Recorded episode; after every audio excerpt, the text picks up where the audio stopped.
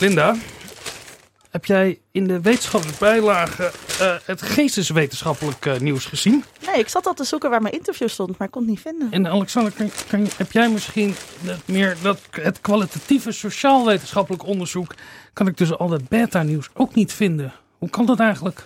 Uh, waar heb je het over? Ik, ik ben bezig in de sportbijlage nu. Vanuit Amsterdam is dit Onder Media Doctoren, de podcast waarin communicatiewetenschappers zich verwonderen over de media. Op televisie en in de krant is er veel aandacht voor wetenschap. Wat me daarbij opvalt, is dat het dan altijd gaat over beta-wetenschap. En het gaat bijna nooit over geesteswetenschappelijk onderzoek of sociaal-wetenschappelijk onderzoek. Hoe komt dat? Welkom bij de 31ste aflevering van Onder Media Doctoren. En vandaag gaan we het hebben over wetenschapsjournalistiek.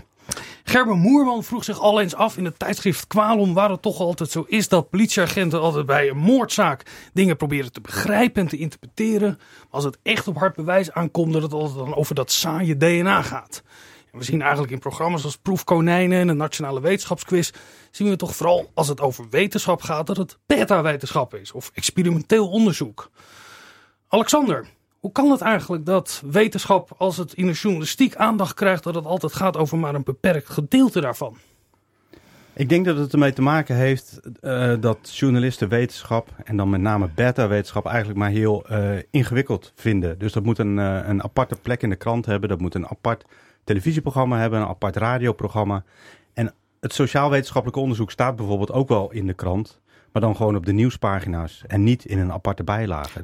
Lina, hoe zie jij dat? Um, ja, ik, ik kan me daar wel in vinden. Uh, vooral bij de beta-wetenschappen staat er inderdaad het idee dat er een kloof is. Echt een grote kloof tussen het algemeen publiek en de wetenschapper in de Ivoren Toren. En dat er wetenschapsjournalisten of wetenschapscommunicatoren nodig zijn om die kloof te overbruggen. Terwijl als het gaat over geestwetenschappelijk of sociaal-wetenschappelijk onderzoek, uh, dan denken journalisten dat ze dat wel kunnen. Uh, aardig voorbeeldje. Ik luisterde laatst naar Radio Zwammerdam, podcast van studenten over wetenschap. En daar zaten twee religiewetenschappers aan tafel. En hadden een heel interessant gesprek ermee. Maar er was ook een columnist. En dat is een neurowetenschapper. Nou, die hield een hele stomme column over rituelen op een wetenschappelijk congres. Ja. En hij gebruikte daarbij dat woord ritueel. Nou, dat is een term uit de antropologie. Maar hij gebruikte dat echt in een leken, uh, in een lekensens. Uh, en hij dacht dat hij zich gewoon wel die concepten en eigenlijk dat hele vakgebied van die religiewetenschappers kon toe-eigenen. Nou, zij zetten hem uh, daarop heel mooi uh, ook weer recht. Maar ik denk dat dat wel aangeeft dat ja, die, die geesteswetenschappen en sociale wetenschappen worden gezien als lager. Of iedereen kan dat misschien wel begrijpen. En daarom is er geen apart katern of een aparte wetenschapsjournalist nodig om dat uit te leggen. Maar Alexander, is het niet ook zo dat een bepaald soort wetenschappen die kunnen een doorbraak hebben? En dat is in de geesteswetenschappen is dat eigenlijk nooit zo. Dus is het dan ook niet zo dat, dat het gewoon nieuwswaardiger is op het moment dat het uit die hoek komt? Het grappige is dat dat totaal niet klopt. Want uh, die wetenschappelijke doorbraken, ook in de beta-wetenschappen, die komen ook niet in het nieuws. Die komen ook niet in de krant. Die komen zelfs niet in de wetenschapsbijlagen. Vorig jaar heeft uh, Maarten Keulemans, wetenschapsjournalist van de Volkskrant, dat uitgezocht. Die heeft de, de tien grootste wetenschappelijke doorbraken van het jaar daarvoor uh, uitgezocht. En geen daarvan uh, stond in de krant. Want dat zijn zulke specialistische, uh, zulke specifieke doorbraken die voor een bepaalde groep wetenschappers heel erg belangrijk is. Op hun terrein is het echt een doorbraak. Maar ja, voor, voor leken, voor krantenlezers is, is daar geen begrijpelijk verhaal van te maken. Dus zelfs die wetenschappelijke doorbraken in de beta-wetenschappen komen ook niet in de krant. En hoe ziet, die selectie, hoe ziet die selectie dan? Wat, wat komt er dan wel in de krant? Of op uh, al die media waar je hoort over uit wetenschappelijk onderzoek is gebleken? Nou, ik, ik, denk dat je heel goed moet kijken naar, het verschillende, naar verschillende genres. Dus uh, kranten proberen zich vooral te richten op nieuws of op, op achtergrond. Uh, maar bijvoorbeeld in de libellen kom je ook wetenschapsnieuws tegen. Maar dat gaat dan veel meer ja, een beetje een soort advies voor persoonlijke groei. dus het verschilt wel per genre wat voor soort wetenschapsjournalistiek daarin kan. Ik kwam bijvoorbeeld tegen uh, bij BNR Nieuwsradio. Daar hebben ze ook een wetenschapsprogramma. En daar gebruiken ze altijd ja, een nieuwtje als aanleiding, uh, een nieuwsdingetje als aanleiding om iets meer te vertellen over een discipline. Nou, dat kan zijn omdat er een raket gelanceerd gaat worden. Maar het kan bijvoorbeeld ook zijn dat een instituut een bepaalde erkenning heeft gekregen van UNESCO, een taalinstituut. En dat er dan uitgelegd wordt wat die taalwetenschappers nou eigenlijk doen. Dus je moet heel goed kijken naar wat zijn de kenmerken van het genre en wat voor ja, type wetenschapsnieuws past daarbij. En bij sommige genres past dat idee van beta nou eenmaal beter uh, dan bij andere genres. Er zit ook nog een andere kant aan. Dat, dat, dat is ook wel grappig om, uh, om te signaleren. Dat media ook nog wel eens de neiging hebben, met name uh, televisie, om dan ook geen wetenschapper uit te nodigen omdat die veel te breedsprakig zijn en te veel uh, nuanceringen aanbrengen. Maar gewoon een soort van bekende Nederlander, of liever een sporter of een, uh, of een popster aan, uh, aan tafel hebben. Die dan wel iets gaat zeggen over een min of meer wetenschappelijk onderwerp. Ja, Linda, die, er komen natuurlijk heus veel historici en filosofen aan bod hè, in de krant of in andere cultuurprogramma's die daar wat mogen te vertellen. maar die staan dan niet op de wetenschapspagina. Kunnen we dat eigenlijk verklaren waarom dat onderscheid wordt gemaakt? Nou ja, waar we, waar we het net al even over hadden, hè, dat, uh, uh, dat er gedacht wordt dat die beta-wetenschap misschien meer uitleg uh, behoeft.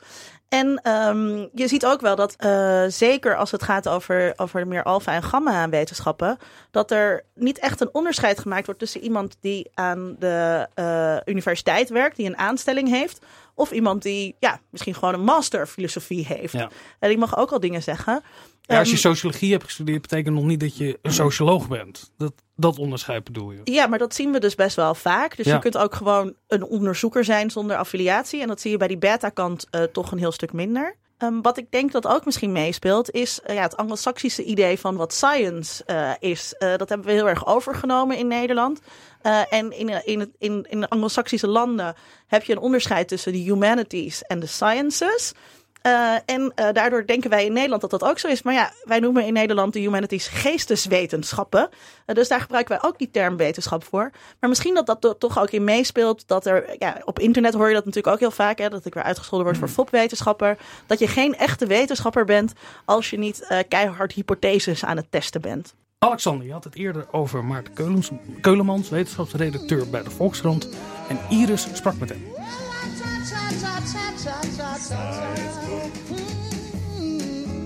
Mijn naam is uh, Maarten Keulemans. Ik ben uh, wetenschapsredacteur bij uh, de Volkskrant. En mijn werk bestaat eigenlijk uit het verslaan van, van het wetenschapsnieuws dat er zowel ja, rondgaat. Maar ook ja, bij een wetenschapsredactie bij een krant heb je altijd ook een soort waakhondfunctie. Dus we zijn ook altijd heel erg bezig met het kijken van ja, ja, die enorme tsunami van, van nieuwtjes die altijd op je afkomt. Wat moet daar wel en, van in de krant en wat kun je beter niet in de krant brengen? In onze wereld is, uh, is wetenschap natuurlijk heel erg de, de voertaal geworden. Hè? Dus als we denken aan al die belangenclubs, milieuclubs, actievoerders, lui van de PVV die onderzoeken hebben naar moslims en naar vluchtelingen. Dat op wetenschappelijke merites beoordelen, dat is toch ook wel echt een onderdeel van ons werk. Vaak, eigenlijk in de meeste gevallen is het vrij natuurlijk wat wij wel of niet wetenschap noemen. Uh, als, uh, zoals deze week uh, was het nieuws aan de orde over Einstein. Wereldbeeld volgens Einstein blijkt niet helemaal te kloppen. Quantumvaagheid blijkt echt te bestaan. Nou ja, dat is echt specialistische shit van heb ik jou daar. En gelukkig hebben we dan iemand in, de, in huis die natuurkunde heeft gestudeerd en die dat gewoon helemaal snapt. Onze, onze bronnen van, waarop wij eigenlijk afgaan, dat zijn in eerste instantie de vakbladen, de wetenschappelijke journals in tweede instantie heel erg wat we binnenkrijgen via bevriende wetenschappers, via ons netwerk eigenlijk. Een derde belangrijk nieuwskanaal is natuurlijk wat er gewoon internationaal gebeurt. Hè? Dus, en uh, ja, wat er verder ter tafel komt, zou ik bijna zeggen. We hebben ook een factcheck rubriek. Uh, vanuit wetenschappelijk oogpunt vind ik het erg leuk om met factchecks bezig te zijn, omdat ik het ook belangrijk vind. We leven in een medialandschap waar voortdurend allerlei cijfers en feiten rondgaan.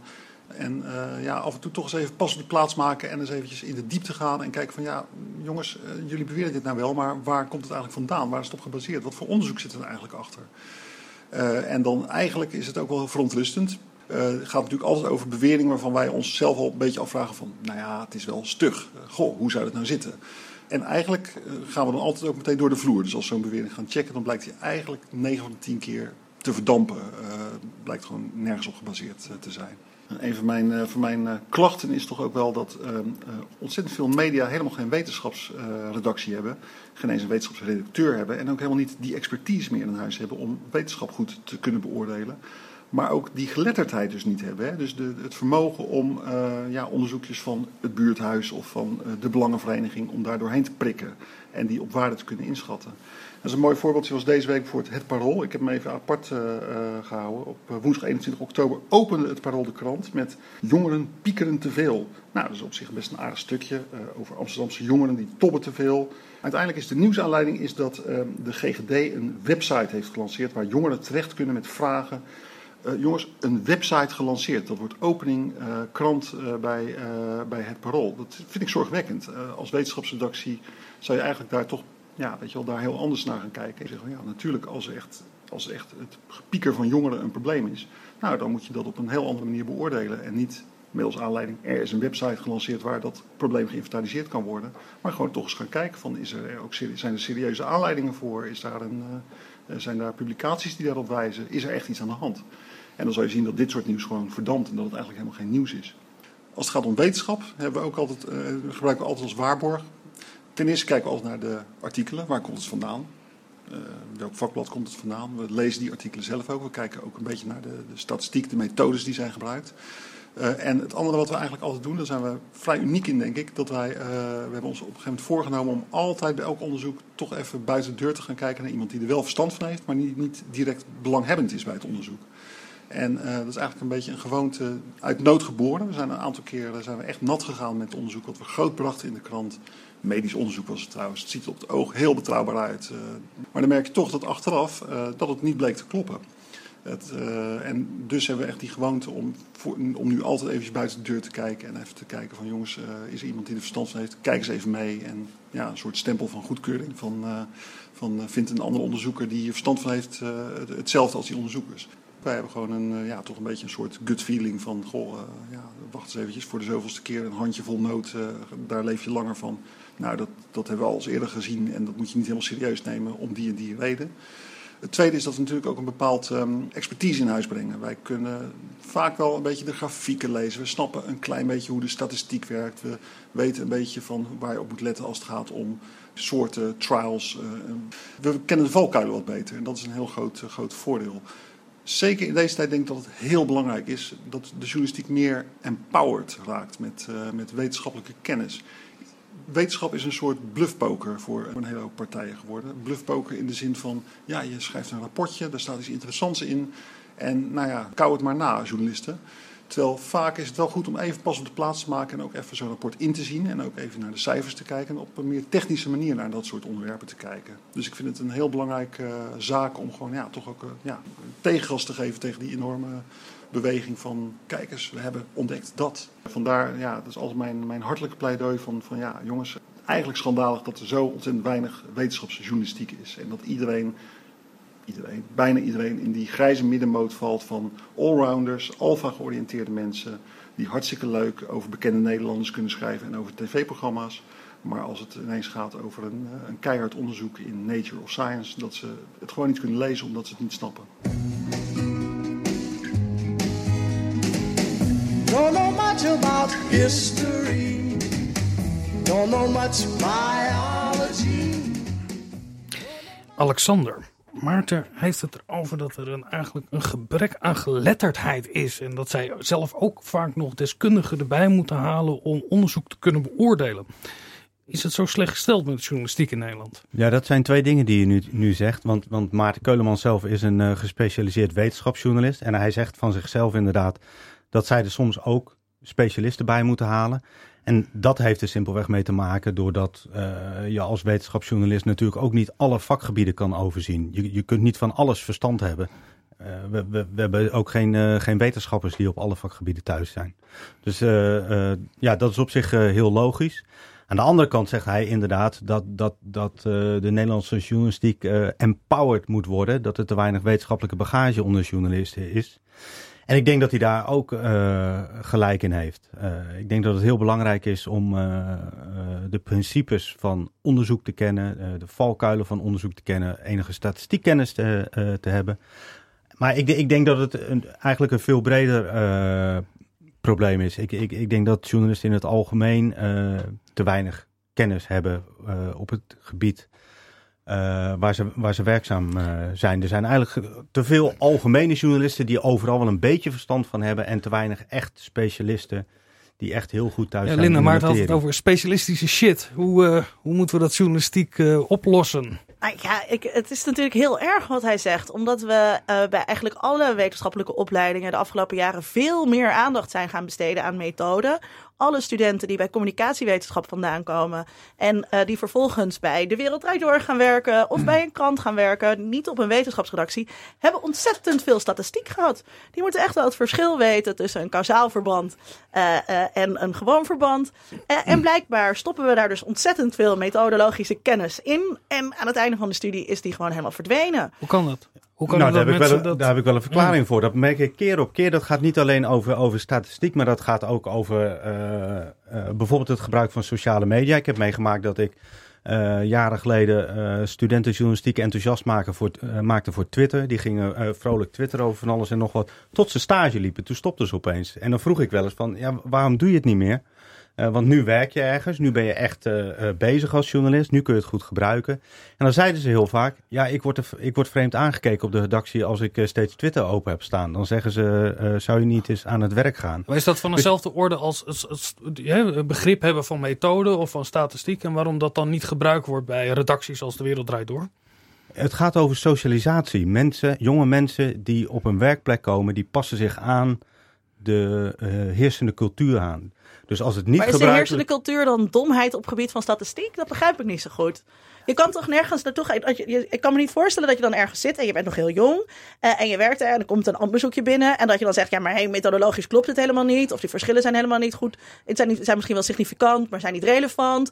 Eh, dat, je, dat je dan aangekeken wordt door een senior die dan zegt... Ja, nee, kom jij aan met je statistische kennis. Dat, dat geloof ik niet. Ik denk dat het echt zo gebeurt. Dat je gewoon overruled wordt en dat ze zeggen: Dit is een, eh, een leuk onderwerp. Het komt van die en die universiteit. Dus dan zal het wel kloppen. We gaan er een onderwerp van maken. Maar ja, dat geeft zeker bij wetenschapsjournalistiek, waar natuurlijk een heel apparatus achter zit over om onderzoeksresultaten maar over het voetlicht te brengen. Dat heeft alles te maken met financiering. Eh, geef je aan dat eigenlijk de mensen die dat moeten beoordelen, in 99 van de 100 gevallen eigenlijk helemaal niet in staat zijn om dat te doen. Met een kleine uitzondering bij de Volkskrant en NRC na. Nou, ik denk dat het vooral echt gaat over, over tijd en geld. eh, wat Alexander eerder eh, al zei. Eh, en dat betekent dat er is een hele grote groep bijgekomen. Dat zijn de voorlichters. Die zijn aan universiteiten gaan werken. En die proberen dat wetenschappelijk onderzoek te vertalen. eh, in hapklare persberichten. Die mensen zijn zelf ook geen wetenschappers. En wat je dus ziet, is dat het heel erg vaak blijft ha- hangen of blijft steken op het niveau van een enkele studie. Eh, eh, dus dan is er één studie gedaan en daar wordt een, een, een, een persbericht over geschreven waarin dat heel groot gemaakt wordt. Dat schrijft zo'n voorlichter, niet de wetenschapper zelf. En vervolgens komt het bij een journalist en die is dan dus blijkbaar niet in staat om te bedenken dat voordat iets waar is, er toch echt meerdere studies gedaan moeten worden. Dat, dat, is grappig dat je dat zegt, want dat blijkt daadwerkelijk uit onderzoek. Hè. Dus vorig jaar een onderzoek gepubliceerd eh, dat daarover gaat. Want heel vaak wordt gezegd dat, dat de media eh, onderzoeksresultaten overdrijven of verkeerd interpreteren, eh, te groot brengen. Maar uit dat onderzoek, het is een Engels onderzoek, uit dat onderzoek bleek dat, dat als zeg maar de communicatieafdeling van een universiteit de, de resultaten van een onderzoek overdrijft, dat dat, dan de kans groot is dat journalisten Dus dat het zijn de overnemen. communica- communicatieafdelingen van de universiteit of andere onderzoeksinstellingen. Die spelen daar een cruciale rol in. Ja, Ja. ja. Is, het, is het dan ook zo dat eh, organisaties MWO dat ook meer vragen om je onderzoek zichtbaar te maken? Nou dus dat in, je nog deze, een- in deze tijd is valorisatie natuurlijk veel belangrijker geworden. Eh, valorisatie kan op verschillende manieren, maar binnen de geestes- en de sociale wetenschappen komt het dan eigenlijk altijd neer op kennisdeling met het grote publiek. Eh, ik denk dat, ehm, eh, dat dat niet zo relevant is hier, want het gaat toch ook vooral over die beta-doorbraken. Eh, het idee dat er een doorbraak is, en waar we het net al over hadden, dat is gewoon wetenschappelijk bijna nooit aan de hand. En dat ziet zo'n voorlichter waarschijnlijk toch anders. Ehm, universiteiten zijn gewoon veel meer bezig met imago. En eh, die hebben websites te vullen, nieuwsbrie- nieuwsbrieven te vullen. Eh, dus ik denk dat een heel groot probleem er inderdaad zit. Dat die, dat, die, dat die communicatieafdelingen van universiteiten misschien wel iets te groot zijn of het allemaal feitelijk wel klopt, dat zocht eh, Volkert voor ons uit in het komende item.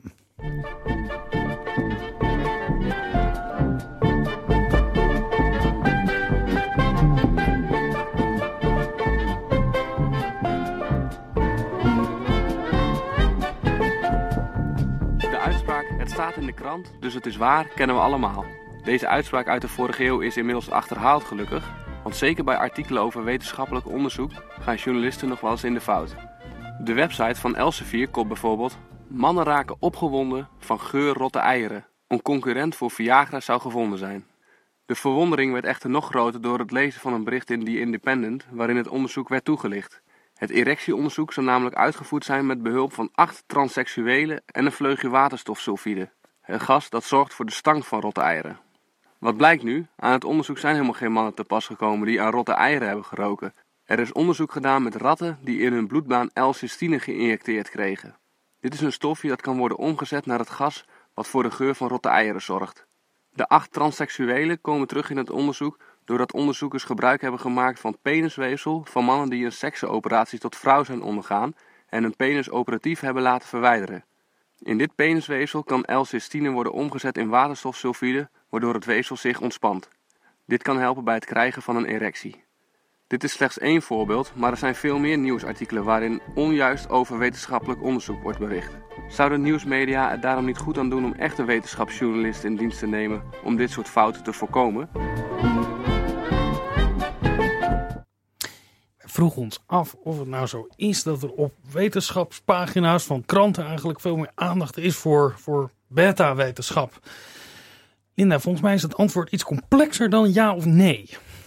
Nou, ik denk dat uh, als het inderdaad over de specifieke katernen gaat, of uh, uh, specifieke programma's waar het woord of het label wetenschap aan wordt gehangen, dat het dan vooral beta is. Maar als het gaat om het duiden, achtergronden, dat we daar dan de, de, de geestes- en de sociale wetenschappers terugzien.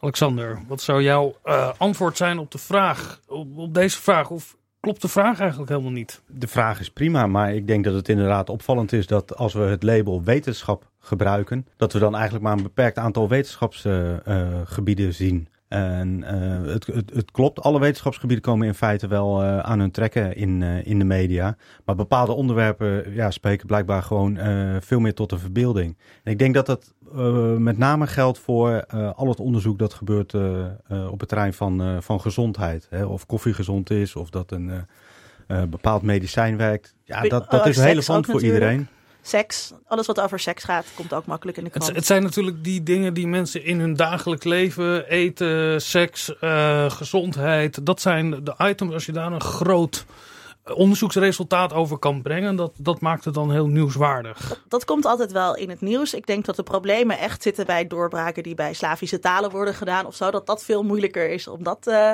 uh, in de krant te krijgen. Uh, en nogmaals, hè, we moeten het ook breder trekken. We hebben nu erg veel over de krant gehad. Er, er, er is ontzettend veel wetenschap, ook op allerlei andere vlakken. Hè. Je hebt bijvoorbeeld uh, podcasts over de wetenschap.